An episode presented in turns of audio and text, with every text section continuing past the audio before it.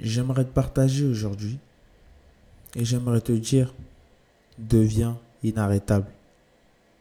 Deviens inarrêtable.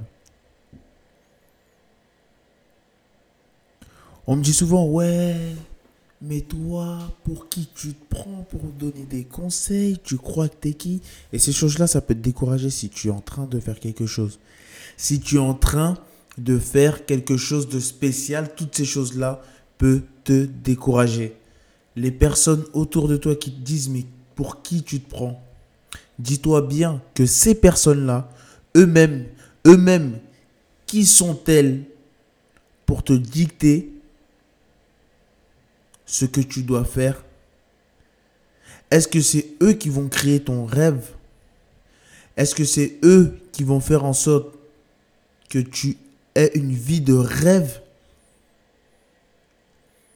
Est-ce que c'est eux qui vont faire en sorte que toi, tu réussisses? Donc concentre-toi sur ce que toi tu veux.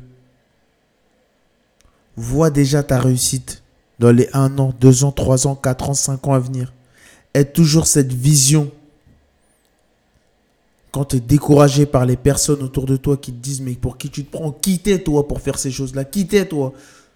Toi, vois juste ta vision. Réponds-leur tranquillement ou même rigole. Mais dans ce que tu fais, je te promets que sur les 7 milliards de personnes qu'il y a sur cette terre, il y a des personnes et beaucoup de personnes qui vont te suivre, acheter ton produit, suivre dans tes rêves, acheter tes services. Parce qu'on a toujours besoin des personnes autour de nous. C'est comme ça. Et les personnes qui critiquent et que toi t'avances, tout ça, va dans le sens de ce podcast. Parce que ils peuvent te ralentir, mais ils peuvent pas t'arrêter.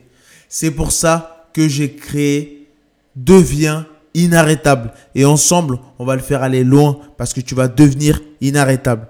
Tout ça pour dire, concentre-toi sur ta vision, mais pas sur ce que les personnes autour disent de toi. Sinon, tu lâcheras.